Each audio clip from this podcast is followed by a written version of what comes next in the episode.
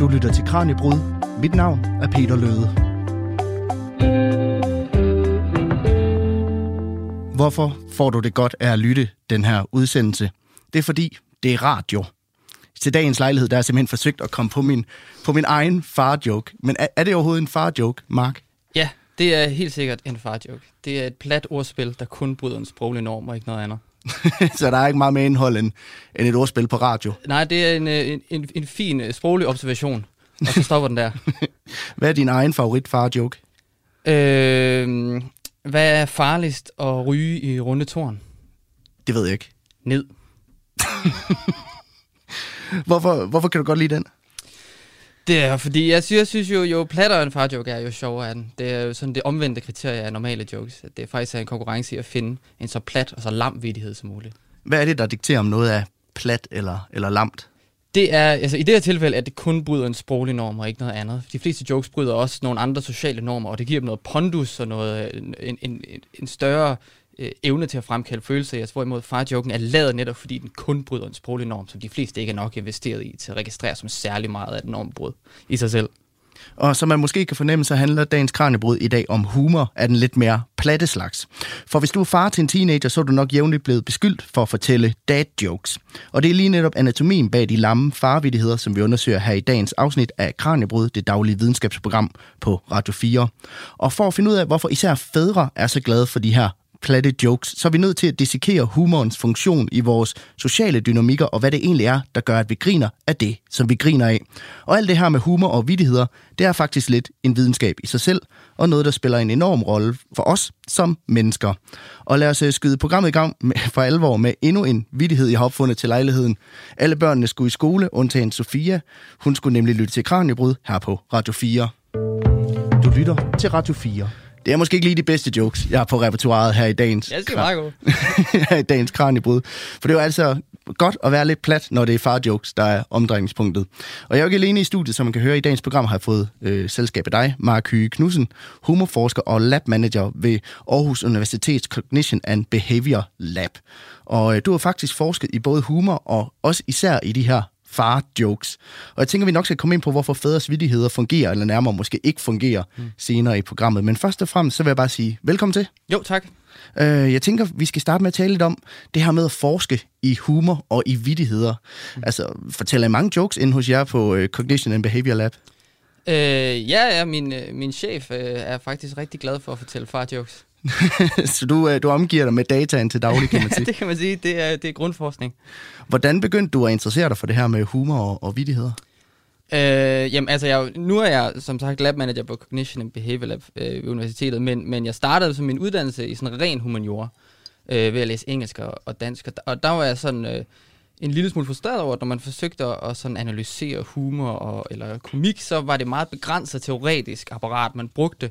Så det var meget noget med i sådan den rene humanistiske tilgang at referere tilbage til nogle teorier fra Freud fra det tidlige 1900-tal, eller tilbage til den engelske filosof Thomas Hobbes, eller nogen helt tilbage til Aristoteles. Og det er også, de har alle sammen vigtige indsigter om humor, men øh, de har også nogle meget, øh, hvad jeg mener, begrænsede te- teori om humor. Og der opdagede jeg så, øh, at der i sådan den evidens faktabaserede, videnskabelige, empiriske tilgang til humor, var en enorm udvikling i gang. Vi var i gang med at kortlægge, altså hvad humor rent faktisk øh, øh er.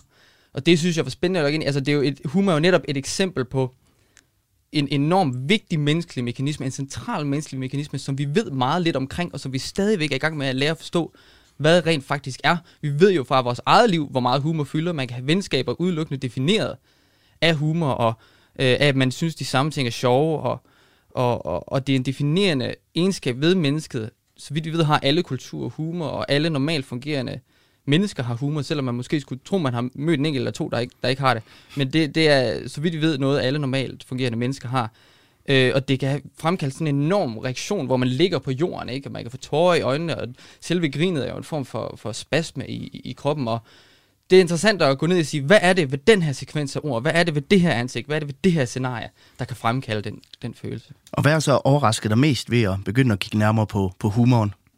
Øhm, Ja, det, det er da et godt spørgsmål. Det er måske, at, at selv, selv det, man tænker er allermest plat som farjokes, når man først begynder at nærstudere det nok, så åbner det en, en, en gigantisk verden op, og det er måske ikke sjov, sjovt at under, undersøge det, men det er interessant. Der er sådan en gammel ordsprog, at, at, øh, at analysere en joke, det er ligesom at, at dissekere en frø. Øh, der er ikke nogen, der griner, og, og frøen dør. Og det er, det er nok rigtigt nok. Det er jo ikke sjovt at analysere humor, men det er enormt interessant, synes jeg. Og prøv at fortælle lidt om, hvordan du konkret forsker i det her med humor og, og, og vidtigheder. Altså putter du et stand-up show i DVD-afspilleren, og så sidder og transkriberer, eller hvordan gør du helt konkret? Øh, jamen altså, øh, ved far jokes, så var det jo bare ved at samle et enormt korpus af, af, af far jokes, øh, som er meget den måde, som lingvister og sprogstuderende øh, tilgår jokes. Øh, og det er enormt let, fordi der er udgivet enormt mange samlinger, og der er enormt mange øh, forumer på nettet, der er udelukkende dedikeret til at dele farjokes. Og så analysere dem og sige, hvad for nogle træk kendetegner alle dem her? Øh, og det er jo sådan en diskussion, man kan have forskere imellem, hvad have store korpus og jokes og sige, hvad kendetegner dem, hvad kendetegner ikke dem. Sådan humorforskningen, historisk set, hvis man går tilbage, har nok været meget defineret af, at folk kommer med nogle teorier, og så bruger man nogle enkelte jokes til sådan at illustrere øh, Øh, hvordan øh, den teori fungerer. Det er sådan, Freud skrev om humor, det er sådan mange før ham har skrevet om humor. Og så i, i 80'erne og frem, så kom der en enorm sådan, øh, opblomstring af humorforskningen fra særligt sprogforskere og lingvister, som begyndte at sådan virkelig videnskabeligt at analysere jokes og sætte dem op og sige, hvad, hvad, nu staber vi et korpus af jokes, og nu analyserer vi på dem, hvad for nogle regler kendetegner dem. Tilgår dem, som, man, som, som lingvister tilgår alle andre former for sprog. Men det har så også givet lidt forvrænget billede måske af humor, fordi at så bliver studiet af humor enormt joke-baseret, og jokes er bare en form for humor, og ikke nødvendigvis det paradigmatiske eksempel for humor. Øh, så det, det, jeg synes er særlig interessant i dag, det er jo så den empiriske forskning af humor, som altså psykologer, der for eksempel undersøger det i laboratoriet, med tager folk ind for synes, vi det er sjovt, eller det biologiske studie af humor, kig på humors evolutionære historie og de forløber, der er til humor i andre arter, og se på, hvad det kan fortælle os om humorens funktion for mennesker. Og nu, nu, nu siger du netop, at der er mange aspekter i humor. Det er jo ikke kun jokes. Hvorfor var det lige far-jokes, der, der vandt din interesse? Far-jokes er enormt interessante, hvis man er humorforsker, for netop fordi, at de bliver øh, ofte defineret som værende usjove jokes. De her lærmeplatte usjove jokes, der er forbundet med fædre. Men hvis de er så usjove, hvorfor bliver folk så ved med at fortælle dem, ikke? Altså, øh, der er udgivet over 300 bøger, der er bare samlinger af far-jokes, og som sagt, der er der masser af forumer dedikeret til det. Øh, og folk bliver ved med at fortælle dem, så de må tydeligvis synes, de er sjove på en eller anden måde. Det var et interessant paradoks at dykke ned i. Ja, den der, jeg tror, alle har den der øh, far, der fortæller jokes, og den bedste reaktion, det får, det er nok det der... Ja, lige præcis. På en eller anden måde, ikke? Men hvad, altså, hvad er det så for nogle teorier, du har trukket på i, i arbejdet? Nu nævnte du, at det er meget noget med Freud og Aristoteles, mm-hmm. der ligesom lå til grund for det. Men hvad, hvad, hvad har du inddraget i dit, øh, i dit studie? Øh, jamen, jeg er stor tilhænger af en, en, en udvikling af det, der bliver kaldt inkongruensteorien oprindeligt set. Så, så der er noget, der hedder en inkongruensteori. Det er bare et fancy ord for, for øh, øh, hvad skal man sige, usammenhæng. Og ideen af den teori er basically, at noget er sjovt, når det bryder med øh, øh, vores forventninger. Vores, øh, hvad vi forventer af verden, når det er usammenhængende med vores forventninger. Men det er en enormt... Øh, øh og det forklarer jokes rigtig godt. Så jokes har ofte et setup og en punchline, siger man. Øh, hvad hedder det? Så et setup som, øh, hvad, hedder, hvad kalder man øh, en, øh, en hund, der ikke har nogen ben. Øh, det sætter en forventning op om, at nu følger der et eller andet ordspil, der har noget med hunde der, og der er på ben at gøre. Men så kommer punchline ikke noget, øh, øh, de kommer ikke alligevel, når du kalder dem. Og øh, det bryder så den forventning. Og ifølge den her version af teorien, så er det det, der gør joken sjov. Det forklarer bare ikke øh, øh, meget andet end jokes. Der er masser af ting, som er sjove, som ikke er, er, er overraskende. Som, øh, hvad hedder det, for eksempel hvis du ser sådan nogle fail compilations på YouTube af folk, der falder, der glider på is, funny people mm. slipping on ice compilation, så kan man sidde og grine af det, selvom du ved præcis, hvad der sker i det næste klip. På samme måde, øh, øh, så er det heller ikke alle øh, overraskende ting, der er sjove, som slutningen på, på den 6. sans. Ikke? Det var der mange, der var overrasket over, og det var dramatisk, og man blev måske rørt, men der var ikke mange, der grinede. Det var i hvert fald ikke første gang, de så den. Øh, og så, øh, så, er der, så kan man så udvide den teori og sige, at okay, det kræver ikke nødvendigvis, at, øh, hvad hedder det, det er ikke kun vores forventninger, der kan blive brugt for humor, det er også bare vores normale mentale mønstre, den måde, vi normalt øh, forstår verden på, vores normale forventninger til verden. Det kan godt være, at du ved, at han falder lige om lidt, men du vil ikke normalt forvente, at han falder lige om lidt. Øh, det er fint, det er bare en alt for bred forståelse af humor. Man kan sige, øh, Hvorfor er det sjovt at se nogen glide på en bananskrald, det er jo typisk set, men det er ikke sjovt pludselig at få konstateret kraft, eller at, øh, at blive, øh, hvad hedder det, at vinde i lotto, ikke? Selvom alle de scenarier er atypiske og overraskende, de bryder vores normale mentale mønstre, og de bryder vores forventninger. Den bedste teori om humor, øh, for mig at se, øh, den, den, den bedste hu, øh, nylige humorforskning peger på, det er, at humor består af godartede grænseoverskridelser, godartede norm- eller grænseoverskridelser, benign violations på engelsk. Teori, der særligt er forbundet med to amerikanske psykologer, ved navn Peter McGraw og Caleb Warren, som har lavet en masse eksperimenter med humor for at vise, at den her teori forudsiger, hvad folk synes er sjovt i laboratoriet, bedre end andre teorier.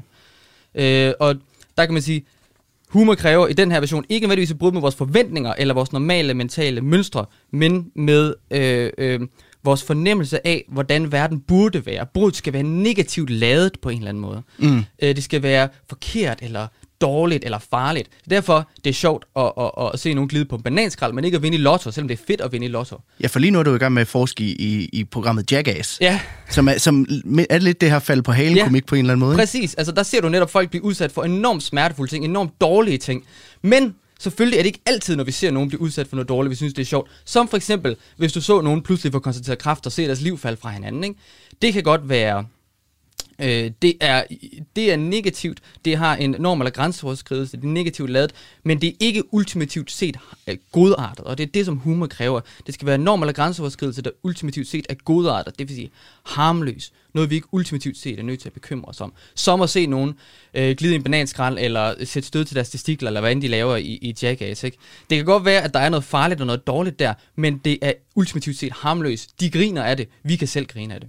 Og lad os prøve at høre, hvordan en af dem, der til daglig lever af at fortælle jokes, han forholder sig til det her med humoren, som både for teleform og som værktøj. For man kan godt sige, at du går til det på et teoretisk plan. Du, du er ikke praktiker på den måde. Mm-hmm. Øh, og nu skal vi altså høre fra en af dem, der går mere praktisk til værks, nemlig komikeren Torben Chris.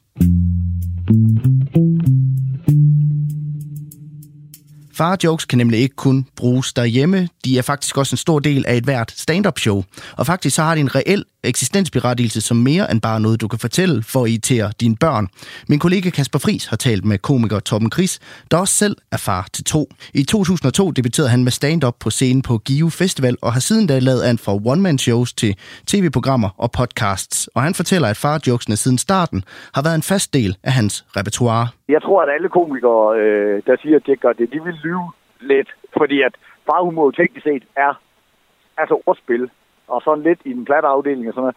Og nogle gange så er de jo faktisk øh, ret effektive, også til at slutte en joke af på, der måske har et politisk budskab eller noget andet, det er fordi, at så, så får man ligesom alle med, altså som sådan en form for afslutning, at nå, her var et, altså her var lukkeren, eller hvad man skal sige, sådan alle folk, de, altså jeg kan da huske på et tidspunkt, hvor jeg havde sådan en lang, øh, altså sådan en lang politisk rant omkring, øh, hvor, jeg, hvor jeg havde, hvor jeg havde øh, øh, regne ud, hvor mange penge der var blevet, altså hvad man ellers kunne have fået for alle de der øh, milliarder, de havde fået øh, til at fise ud af, af, af vores skattebeholdning, uden de rigtig havde opdaget det og sådan noget. Og hvor jeg så slutter af med at snakke om, hvor lang mange timeløn der havde været for en øh, kloakmedarbejder eksempelvis.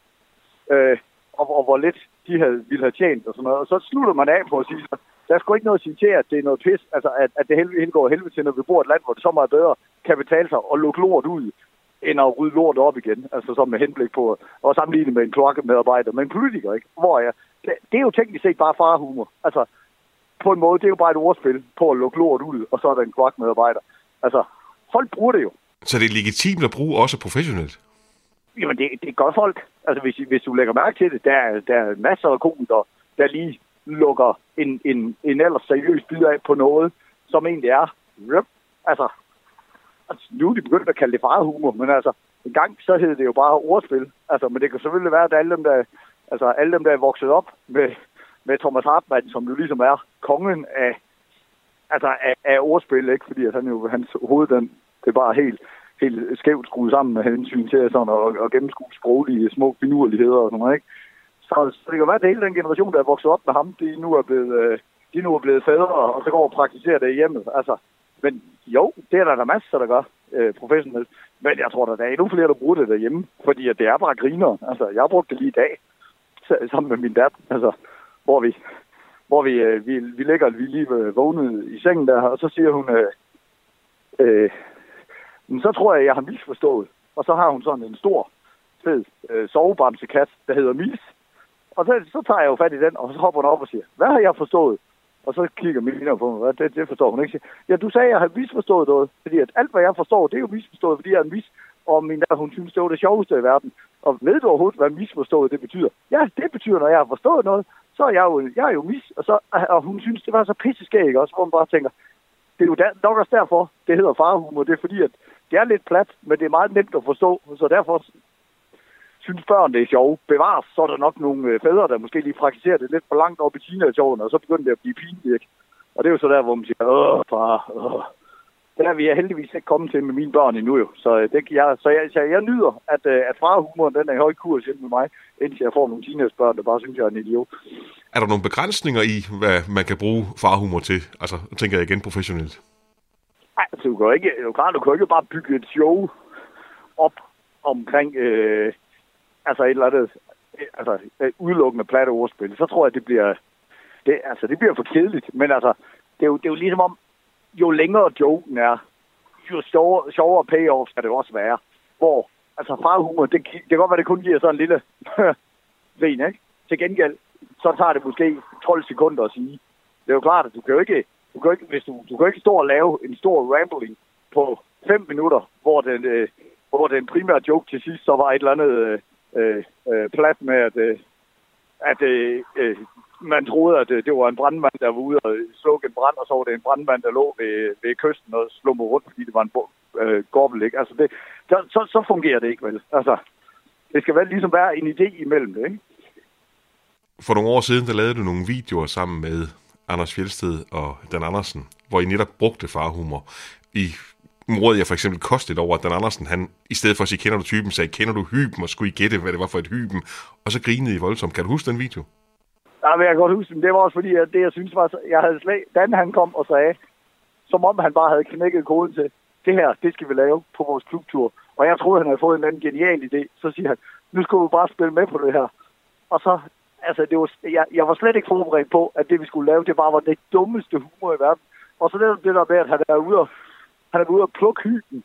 Kender du hyben? Så var det bare, altså, fordi, så, så bliver det sjovt på den anden måde, fordi at det var, øh, det var for meget at gøre ud af det. Altså, gøre ud af et, af et, af et ordspil. Så det, det var simpelthen det, der fik røven på mig der i den der video, hvor jeg bare, der, hvor jeg bare tænkte, hold kæft, hvor er det dumt.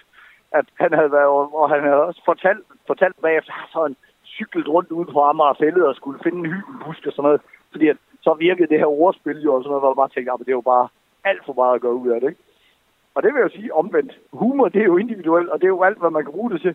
Men altså, nu siger jeg lige, at, der at, man, at man ikke kunne lave et langt ordspil med, med en brandmand, men altså, det tror jeg da godt, man kunne være, altså, hvis det var et, hvis det var et kigger-setup, eksempelvis, hvor der bare står to mennesker og kigger ned i øh, uh, vand på en badebro og siger, det der, det er en brandmand. Nej, det er sgu en vandmand, det der. Nej, det er en brandmand, det er en vandmand.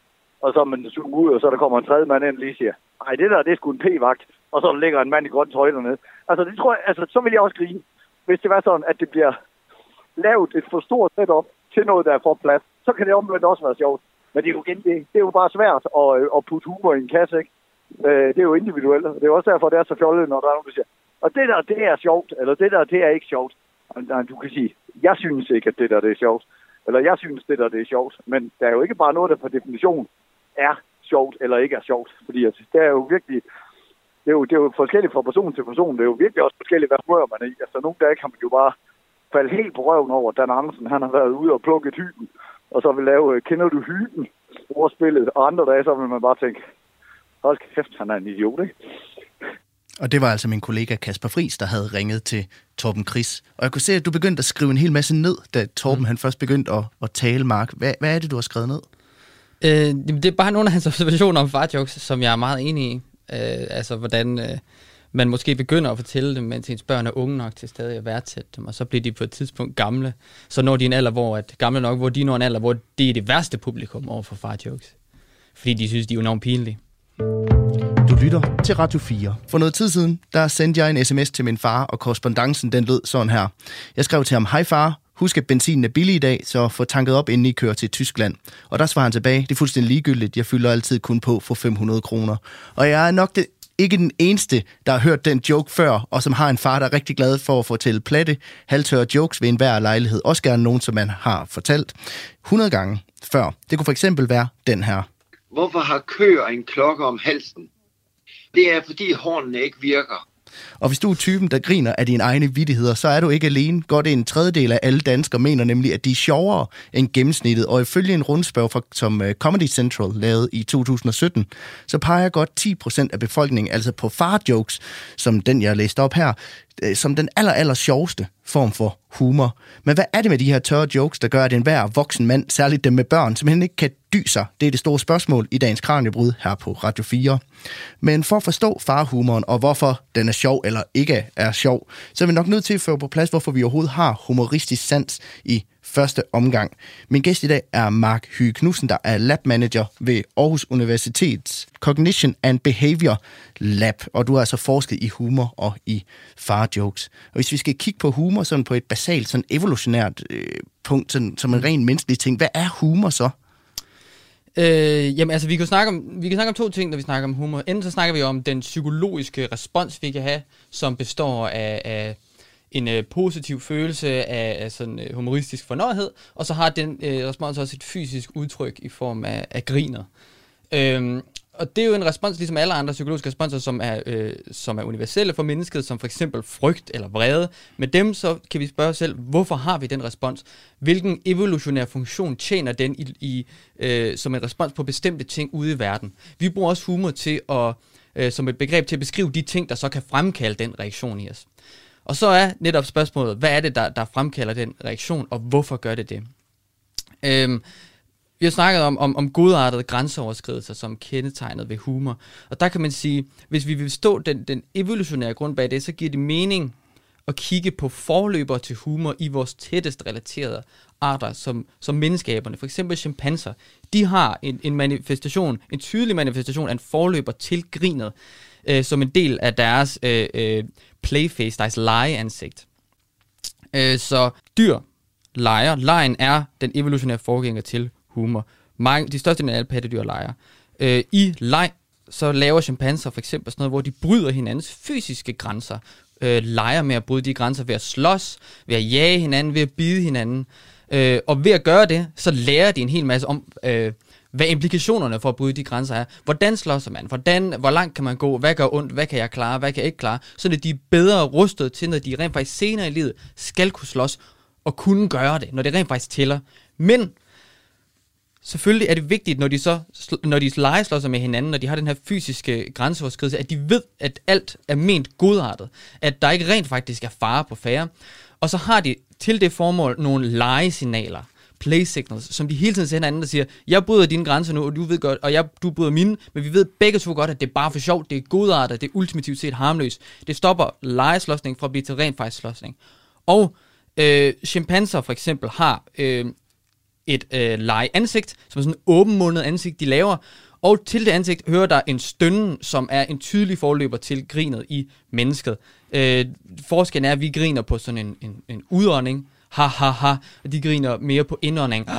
Men man kan tydeligt, altså man kan tydeligt genkende det. Og altså selv Charles Darwin noterede det i sin tid i The Expression of the Emotions in Man and Animals, og han beskriver, hvordan han kilder aber for, for fremkalde i dem. Han laver selv forbindelsen.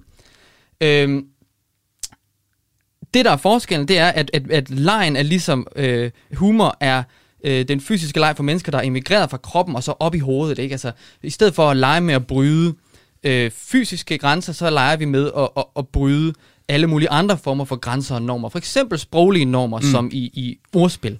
Det er det, de er baseret på. Eller sociale normer i sådan pinlighedshumor, eller med seksuelle jokes, der bryder nogle sociale normer for, hvordan vi normalt omtaler sex. Eller moralske normer i for eksempel sådan noget døde baby jokes spiller på netop at bryde en moralsk norm. Og der, øh, øh om hvordan vi omtaler sådan dem tålige emne. Og så er der så nogen, for hvem de normbrud ikke er øh, godartet nok til, at man kan grine dem, hvis man for eksempel selv er tæt forbundet til det at, at miste et barn eller sådan noget. Så kan man ikke se det som en godartet grænseoverskridelse. Og det er også derfor, at vi altid har de her diskussioner om, er, er det sjovt, er det ikke sjovt, er det over grænsen osv. Det er fordi humor per definition eksisterer netop i grænselandet med, imellem hvad man synes er sjovt, hvad man ikke synes, og hvad der, hvad der er okay, og hvad der er over grænsen, hvad der er forkert, og hvad der er rigtigt. Så det der med at sige, at noget er sjovt, og noget er ikke er sjovt, det varierer simpelthen fra, fra gruppe til gruppe, altså social øh, arena, man er i, til ja. social arena? For, fra gruppe til gruppe, fra individ til individ, ikke? det er jo også en af grundene til, at øh, humor har sådan en enorm tilknytningsfunktion, når vi deler den samme humor med hinanden, så kan det føles nærmest magisk, fordi vi netop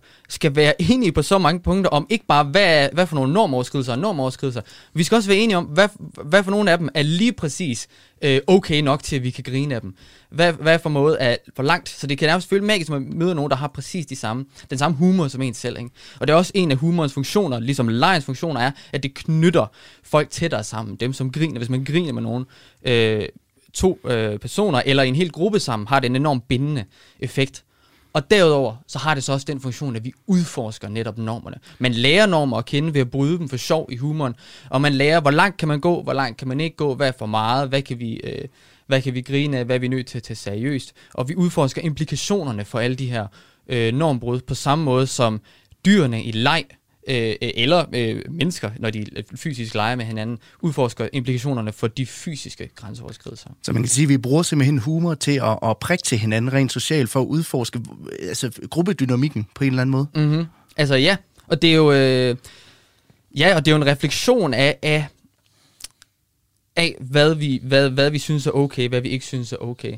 Og det er jo også, øh, hvad hedder det, hvis vi så snakker om forskelle på, hvad folk synes er sjovt, så er det jo netop noget af det interessante ved humor. Et andet paradoks ved humor er, at alle mennesker har humor, alle kulturer har humor, og der er mange af de samme ting, vi synes er sjove over det hele. Men alligevel, fordi humor netop eksisterer i grænselandet imellem, hvad, er en, hvad for en grænseoverskridelse er okay, og hvad er for meget, så skal der ikke særlig meget øh, til, for folk er uenige om, hvad der er sjovt, selvom det måske de samme, mange af de samme temaer, kategorier, der går igen i det, vi griner af, så kan en joke øh, hvis du ser et tv-program fra øh, 20 år siden, øh, lige pludselig virke over grænsen, eller lige pludselig virke enormt lad og ikke have noget på hånden, fordi at den sociale kontekst har ændret sig. Det, det er simpelthen det er, fordi det er en social dynamik, at så fra kultur til kultur, fra generation til generation, så ja. udvikler det sig, ligesom alle andre normer yes. simpelthen udvikler sig. Vi ved også, at, det, at komedier er en af de genrer, som, som øh, eksporteres dårligst. Øh, hvad hedder det? Hvorimod for eksempel øh, horror er en genre, der, der, der eksporteres utrolig godt til andre lande, fordi det spiller på nogle måske mere basale mekanismer i form af frygt. Det er mange af de samme ting, folk frygter rundt omkring. Øh, hvad hedder det? Hvorimod humor netop er den her enormt socialt øh, øh, betinget øh, ting, og det samme virker også til at være tilfældet over tid. Det studie, jeg arbejder på, som altså, man skal ikke snakke for meget om, for det er ikke udkommet endnu, men, men at, at kigge på øh, films IMDb-ratings over tid. Film falder altid i IMDb-rating. Øh, ja, det er den her online-side, hvor man kan rate film. Ja, lige præcis. Folk går ind og stemmer om, hvor god de synes, filmen er fra en skala fra 1 til 10. Og så kan man se, at filmen har altid den højeste rating, lige når de kommer ud. Og så øh, over tid mister de langsomt deres rating, som de fjerner sig fra den sociale kontekst, de er lavet i, fordi de netop spillet ind i en bestemt tid. Mm.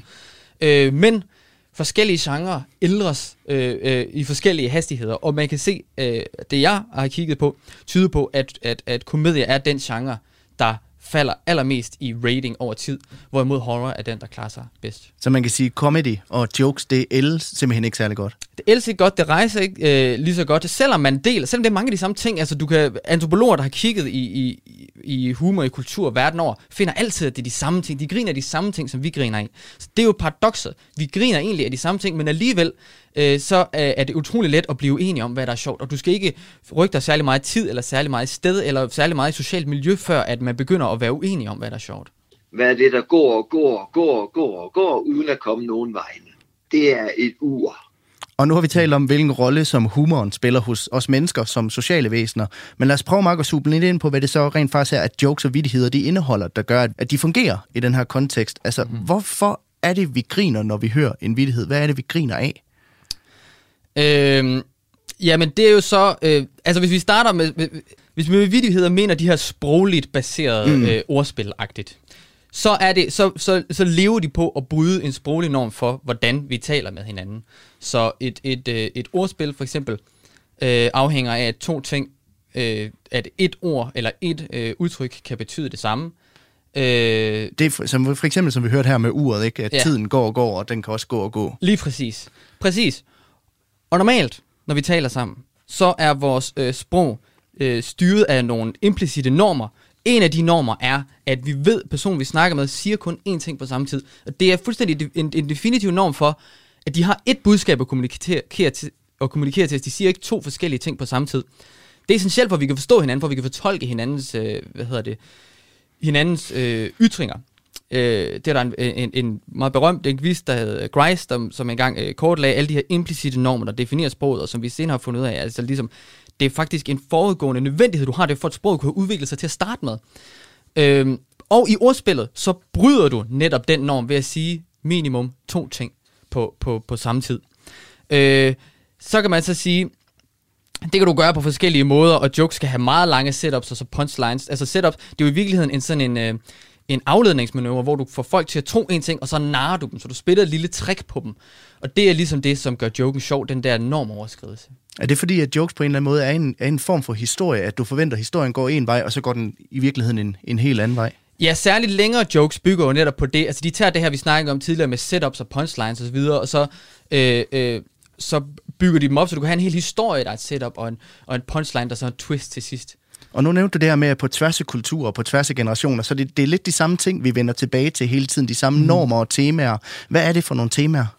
Øh, jamen altså, hvad kan man sige? Der er en, øh, en antropolog ved navn Julian Stewart, der for omkring 100 år siden, han, han, han forskede i alle mulige ting, men særligt så forskede han i, øh, i øh, indianerstammers klovne, rituelle klovneri. Øh, Øh, og det gjorde, at han var enormt øh, interesseret i humor. Og han kom ligesom med, baseret på alle de etnografier, han havde læst, alle de kulturer, han havde besøgt, alt det, han havde studeret, så foreslog han, at der var ligesom fire temaer, der gik igennem i humor overalt. Han kaldte det uh, The Four Comic Themes of Universal Occurrence. En meget, meget fin titel til det. Og de er ligesom øh, øh, smerte, sex, det fremmede og det hellige. Det er fire øh, ret interessante kategorier, og man kunne, han var også enig i, at det er nok ikke øh, altså en, øh, en, øh, en endegyldig liste, der kan, der kan sikkert tilføje en hel masse flere ting. Og det er også øh, fire enormt brede kategorier. Men det er øh, i hvert fald rigtigt baseret på, hvad jeg Nu har jeg også, også læst en hel masse om rituel klovneri, og i øvrigt minder alt det rituelle klovne øh, laver enormt meget om alt det, øh, som øh, performerne laver i Jackass. Men de her fire temaer, det er klart, de går igen, fordi de netop øh, øh, peger på fire områder, hvor vi har øh, som mennesker øh, naturlige præferencer, normative tilknytninger, som kan brydes. Det er jo netop det, vi snakker om. Mm. Det handler netop om at bryde normer, bryde grænser.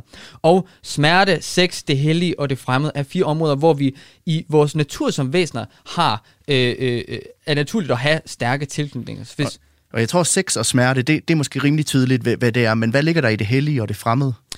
Øh, jamen altså, øh, det ene, ja, netop sex og smerte er jo, er jo sådan øh, vores øh, simple biologiske mm. væsen, ikke? Det på den ene side har vi en hel masse øh, øh, følelser, som skal holde os i live. Øh, overlevelse den ene basale del af evolution, ikke? Øh, hvad hedder det? Og det er smerte. Og så øh, sex, jamen altså vi er biologiske væsener, der skal øh, forplante os, øh, øh, sende vores gener videre. Så selvfølgelig opstår der en hel masse normer i alle mulige kulturer øh, verden over, som netop regulerer sex og hvordan man håndterer det. Så er det så, øh, du snakker om det hellige og det fremmede, det er det, der definerer os som kulturelle væsener. Mennesker, der lever i samfund, i kultur.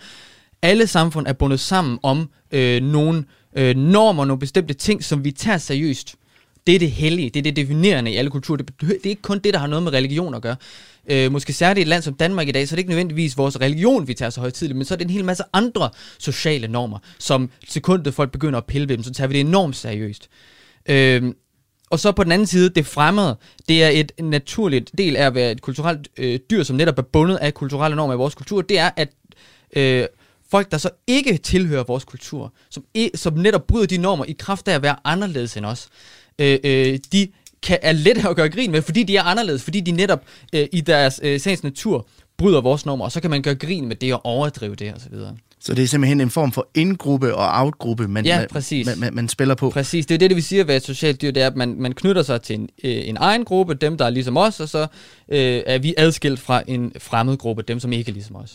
Om lidt, så skal vi høre en række eksempler på vittigheder og jokes, særligt af den slags, som ens far altså kan være tilbøjelig til at fortælle omkring middagsbordet. Og så tænker jeg, Mark, hvis han kan dissekere nogle af dem en lille smule og tale om, hvorfor at far-jokes er sjove eller ikke er sjove. Du lytter til Radio 4. Hvordan får man sin kæreste til at græde under sex? Man ringer til ham.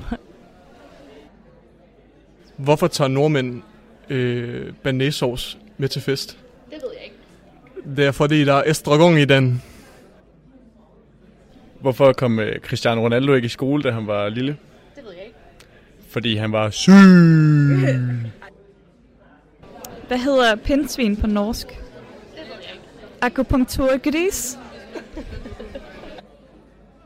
Hvad er der i vejen? Asfalt. I took my uh, cat's medicine last night.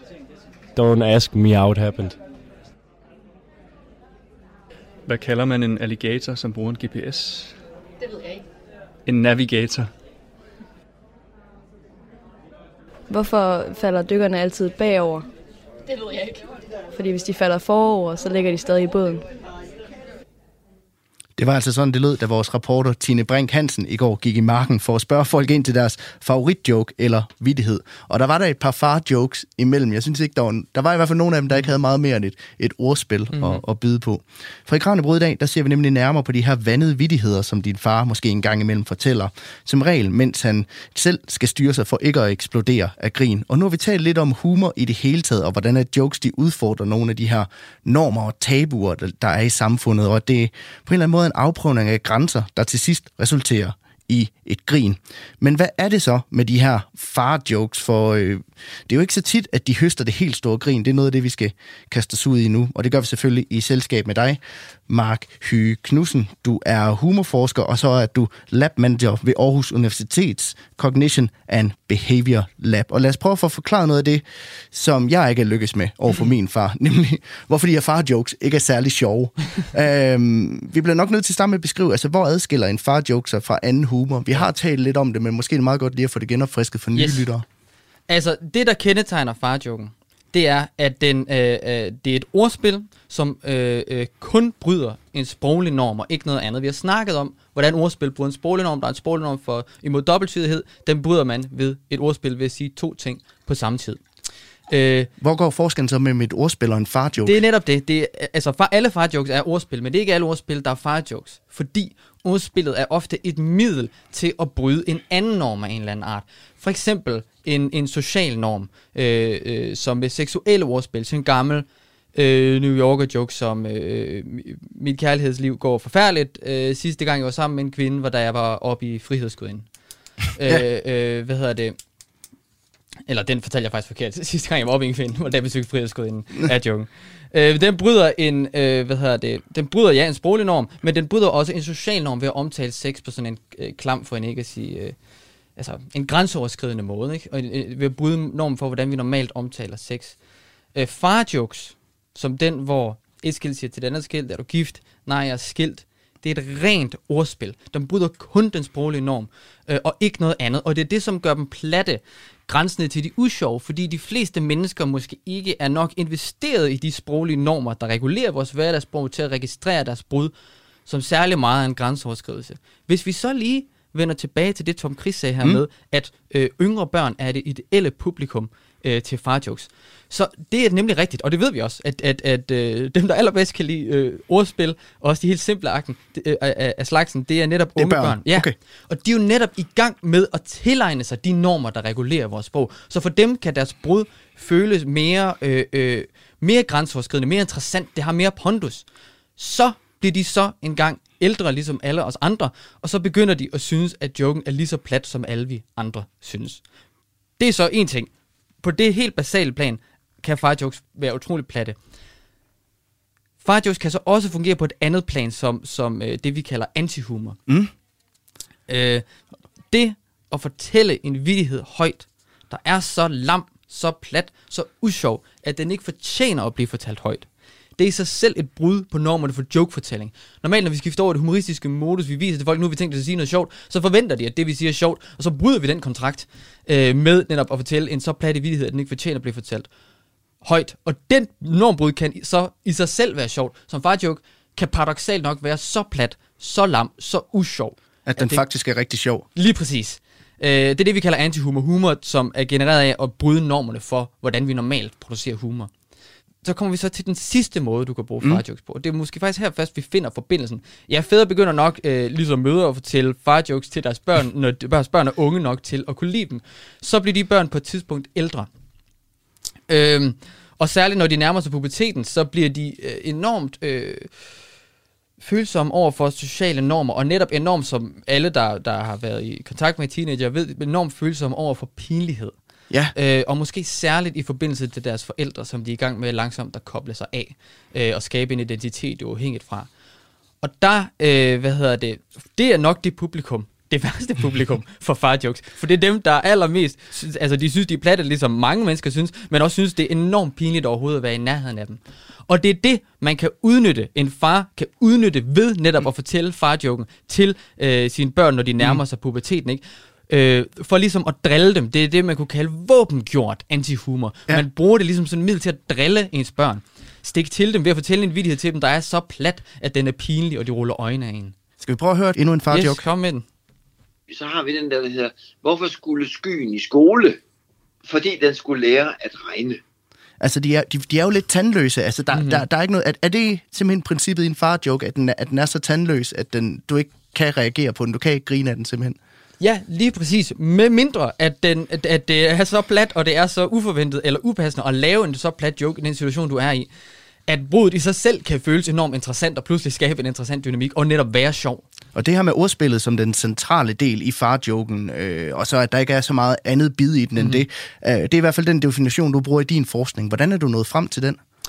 Øh, det jo at samle et enormt korpus af, af farjokes, og så simpelthen øh, for det første kigge på, hvad kendetegner de her jokes, og hvordan kan vi så forstå det ud fra, hvad vi ved om, hvordan humor fungerer fra, fra, fra anden forskning. Øh, og så, det er jo så det ene spørgsmål, altså finde ud af, er de sjove eller usjove? Folk kalder dem både sjove og usjove. Øh, så kan vi klarlægge, hvad for nogle måder de så fungerer på. Det er også den måde, vi snakker om tidligere, som lingvister for eksempel meget har arbejdet med jokes ved at lave store korpus og så analysere på dem. Øh, og så det andet spørgsmål har så været, jamen, hvad har de med fædre at gøre? Og hvad er forbindelsen mellem fædre og far jokes? Ja, hvorfor det fædre? At, findes der mor-jokes også? Øh, jamen, det er ret sjovt, at de netop forbindes med fædre. Faktisk ikke kun, altså, på dansk... Ja, nu taler vi om farjokes, men før i tiden, det har vi taget faktisk fra det engelske dad jokes. Mm. Før i tiden kaldte vi det onkelhumor, eller morfarvidigheder. Øh, i, I Japan har de et tilsvarende begreb, øh, som kan oversættes til middelalderne mænds vidigheder, eller gamle mænds vidigheder. Det er sådan fælles for alle de her begreber, er, at de forbinder øh, øh, platte vidigheder med mænd af en vis alder. Nærmere betegnet mænd, der er gamle nok til at have øh, børn omkring sig, som de kan dirigere de her platte vidigheder mod, så børn ruller øjne af dem. Og det er jo netop det, vi snakker om med farjoken, som nærmest en form for drilleri, hvor man netop fortæller den, for at lidt irritere folk omkring sig. Og det er det, man synes er sjovt. Det passer sammen med den sådan øh, bredere humorprofil, vi har af fædre kontra mødre over for deres børn. Men det er ikke sagt, at mødre ikke også kan fortælle farjokes. Selvfølgelig kan det mødre og kvinder og folk, der ikke har børn og sådan noget. Men fædre har til synligheden en særlig måde dels at lege med deres børn på. Nu vi snakker om, hvordan mm. humoren er udviklet fra, fra leg. Og så dels at joke med deres børn på. Så i lejen med deres børn, den fysiske leg, der er fædre voldsommere. De går mere til den, de presser deres børn mere til grænserne af, hvad de kan klare. Øh, på samme måde, i humor dirigeret mod deres børn, er fædre også mere aggressive. De stikker mere til deres børn, og driller dem netop. Ikke? Og der kan det at fortælle dem en vidighed, der er så plat, at den er pinlig, og få dem til at rulle øjnene af dem, og synes, det er det pinligste i verden, være et af de midler, som de bruger til at drille dem med. Og det er den stereotypiske situation, man forbinder med farjoken er, ikke? Ja, lige præcis. Altså, så meningen er simpelthen at gøre sine børn pinligt berørte. Altså i hvert fald sine teenager, hvis de er gamle nok til at synes, at de, Ja, lige- de er lidt lamme, ikke? Ja, det kan være, at man starter, når de er unge nok til at rent faktisk at synes, de er sjove, ikke? Og så når de langsomt begynder øh, og synes, de er enormt pinlige, jamen, så kan man få sin egen øh, humor ud af det. Øh, jeg skal hilse dig fra Ella. Og så skal jeg jo sige, øh, hvem Ella? Elastik. Men nu har vi talt meget om det her med, med sociale dynamikker og, Mhm. mm-hmm. og, og brug af leg. Og nu er det jo en form for leg, far-jokes, som, som vi hører her. Mhm. Mm-hmm. Hvilken opdragende effekt kan man tale om, at, at far-jokes så går ind og har? Ja, det er jo så det, det, er det interessante, og det er jo, øh, hvad hedder det, meget spekulativt, kan man sige. Det er i sagens natur ret svært at lave, lave studier af, men, men, men øh, hvad hedder det, vi ved, at øh, den særlige form for leg, fædre har med deres børn, har en særlig funktion. Altså det at presse, når man skubber til ens børn på den måde, presser dem til det yderste af, hvad de kan, øh, øh, så lærer man dem, hvad kan deres krop håndtere. Man lærer dem også noget øh, emotionel øh, øh, øh, håndtering. Altså det at kunne blive prikket til på den måde, blive provokeret, og så holde lidt tilbage, har en positiv effekt i lejen. Øh, øh, den særlige sådan, grænseoverskridende eller voldsommere leg, som fædre kan have. På samme måde kan man øh, øh, øh, tænke, at det er netop at skubbe psykologisk til sine børn ved at udsætte dem for de her pinligt platte vidigheder. Så kan man være med til at skubbe deres grænser for, hvor meget pinlighed de kan kapere ved hele tiden at fortælle vidigheder, der er så platte, at de er pinlige. Så viser man netop ens børn, at pinlighed, det ikke er noget, man dør af. Og det er jo en essentiel lektie, hvis man er sådan et barn, der særligt nærmer sig puberteten, hvor, hvor pinlighed kan føles som det værste i verden. Ikke? Øh, øh, det er så det eneste. Det kan have den der positive opdragende effekt, at børnene måske senere, mm. de ser, der ikke er noget farligt i at bryde øh, sociale normer, så de senere i deres liv måske altså, tør stå ved sig selv på trods af social pres. Så det handler simpelthen om, at man, man, man klæder dem på til måske også at bryde sine egne grænser lidt? På ja, og, og ikke at tage sig selv så seriøst, og ikke at tage det så seriøst at, at, at, at fremstå øh, pinligt. Være mere ligesom far på Ja, en eller anden måde, kan man sige. Øhm, ser man det hos andre dyr også, at de bruger drilleri til på den måde at, at, at klæde deres øh, Ja. børn på? Det er, det, og det er faktisk, ja, og det er et af de punkter, hvor man må sige, at grænsen imellem leg og humor bliver enormt flydende, fordi du ser faktisk i andre menneskeaber, såsom chimpanser, at de driller hinanden. Øh, og, og det, øh, hvad hedder det, når, i dem så kalder vi det et udtryk for leg, men i mennesker vil vi kalde det et udtryk for humor, når vi driller hinanden. Så det er en enormt flydende grænse. Driller hinanden på alle mulige måder, for eksempel ved, det er på samme måde ved sådan at hele tiden at fra, øh, udsætte andre for små doser af negative følelser, ved at for eksempel tage et objekt fra dem, som de bruger, alene for så at gå væk og sidde med det, og, og så, øh, hvad hedder det, lave deres legeansigt, ikke? Øh, sådan nogle ting. Øh, det er enormt interessant, hvor man kan se faktisk den, den, du kan nærmest se den flydende overgang, der er i virkeligheden imellem øh, øh, øh, lejen, øh, som vi jo har haft øh, længere tid, end vi har haft humor, og så humor, som har udviklet sig fra leg. Men der er jo også noget, som, som hedder, altså nu taler vi om pinlighed og, mm. og alt det her, altså der er også det, der hedder cringe comedy, som jo netop er comedy, der er designet til at gøre folk pinligt berørte, som, Ja. som seer. Det kan være Mhm. klovn, for eksempel. Ja. Øh, altså, har det nogen relation til den samme dynamik? Ja, altså, øh, øh, cringe-komedier er et enormt interessant fænomen, der først sådan opstår omkring årtusindskiftet rigtigt. Altså, pin, der har altid været humor baseret på pinlighed, så langt vi har tekstlige kilder i hvert fald, baseret på, at folk bryder sociale normer og skaber pinlighed. Øh, og hvis du ser sådan øh, komedieserier som øh, tilbage fra 70'erne, Fawlty Towers, så er de baseret netop på øh, øh, Øh, af pinlighed. Men forskellen på dem og så sådan nogle cringe-komedier, som for eksempel Kloven, det er, at nyere cringe-serier netop begynder at fjerne nogle af den distance, vi normalt har til karakteren. Normalt er det, der gør øh, grænseoverskridelserne i, i, i, i pinlighedshumor sjove, er, at vi har noget distance. Det er det, der gør dem godartet. Det gør, at vi kan grine af dem. Men cringe-komedier begynder netop at lege med det ved at fjerne distancen, så vi også føler pinligheden. Samtidig, så nærmest, så, man, øh, så de er netop på grænsen mellem, kan man grine, eller skal man grine, eller skal man græde? Kan man overhovedet klare at kigge på, på fjernsynet? Så det er nogle af de samme dynamikker, som, som far-jokes udsætter en for på en eller anden fasong. Det spiller netop også på øh, normerne, øh, på at bryde normer, der skaber pinlighed, ja. Men det virker jo til, at det, det, det er en enorm snæver definition af, af altså det her farhumor. Den, det er kun et ordspil, det er ikke meget mere end det. Mhm. Mm-hmm. Så man kan sige, rigtig, rigtig mange af de jokes, vi går og fortæller til hinanden, og måske tænker rent faktisk, at en far-joke er faktisk ikke en far-joke, fordi den, der er lidt mere i den. Den har lidt mere at byde på. Ja, altså der var, der var, øh, ja, altså der er i hvert fald nogle eksempler på dem, øh, de øh, farjokes, som øh, folk fortalte i jeres indslag, som, som også bryder nogle sociale normer. Det der med, hvordan man får sin kæreste til at græde under sex og sådan noget. Øh, som netop også spiller med, som, som får noget mere øh, pondus af og, og, og, og, øh, og bryde nogle sociale normer, og netop være mere grænseoverskridende på den front. På samme måde, hvis man, som Torben Chris snakkede om et allertidligst indslag, bruger en far-joke til øh, at lave en pointe, eller til at runde en bid af, så giver man den også noget relevant, så man tager dem ud af den der simple øh, øh, kontekst, hvor det bare er en forbindelse imellem to ord, du spiller på. Og hvordan får man en fisk til at grine? Man kommer den i kildevand. Og programmet begynder så småt at gå på hel, men jeg kunne godt tænke mig at høre Mark Hyge Knudsen her til sidst. Øh, hvad byder fremtiden på for, for din forskning i humoren? Øh, jamen altså, som sagt, så, skal vi, så vil jeg jo gerne kigge på, øh, hvad hedder det, hvorfor humor øh, klarer sig så dårligt på tværs af grænser og på tværs af tid. Øh, og så, øh, øh, øh, det er interessant, øh, synes jeg, øh, emne at slå ned i. Og så øh, udgiver jeg også, som vi snakkede om, den her artikel om, om, om Jackass og dens, alle de forbindelser, der er imellem de stunts, de laver deri, og så rituel klovneri i traditionelle samfund. Og øh, hvis du skal prøve at sammenfatte en eller anden pointe, vi skal tage med videre fra programmet, hvad skulle det så være? Øh, altså nu er det jo et forskningsprogram, så jeg tænker, man godt kan sige, at, at, at, at for mig at se, illustrerer den her forskning, at du kan tage et emne, som man tænker er utrolig lamt, og utrolig plat, og utrolig småt, som far-jokes, til hø-jokes, ikke? Og så hvis du rent faktisk dykker ned i dem, så trækker de tråde, altså de siger alt muligt om vores kultur, og de mennesker, vi er, de sociale dynamikker, vi er i, og så trækker det tråde helt tilbage til, fra før vi var mennesker, ikke? Så de her små emner, hvis man giver dem nok opmærksomhed, kan fortælle os utrolig meget om, hvem vi er. Mark Hyge Knudsen, tusind tak, fordi du kom forbi studiet i dag. Det er så let. Du lytter til Radio 4.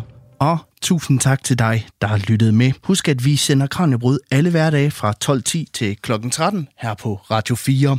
I dagens program der medvirkede Mark Hyge Knudsen, der er lab manager ved Aarhus Universitets Cognition and Behavior Lab. Og husk, at alle de tidligere udsendelser kan findes som podcast i Radio 4's app, der kan hentes på App Store og på Google Play. Og så kan det være, at vi skal slutte programmet med en aller sidste vidighed.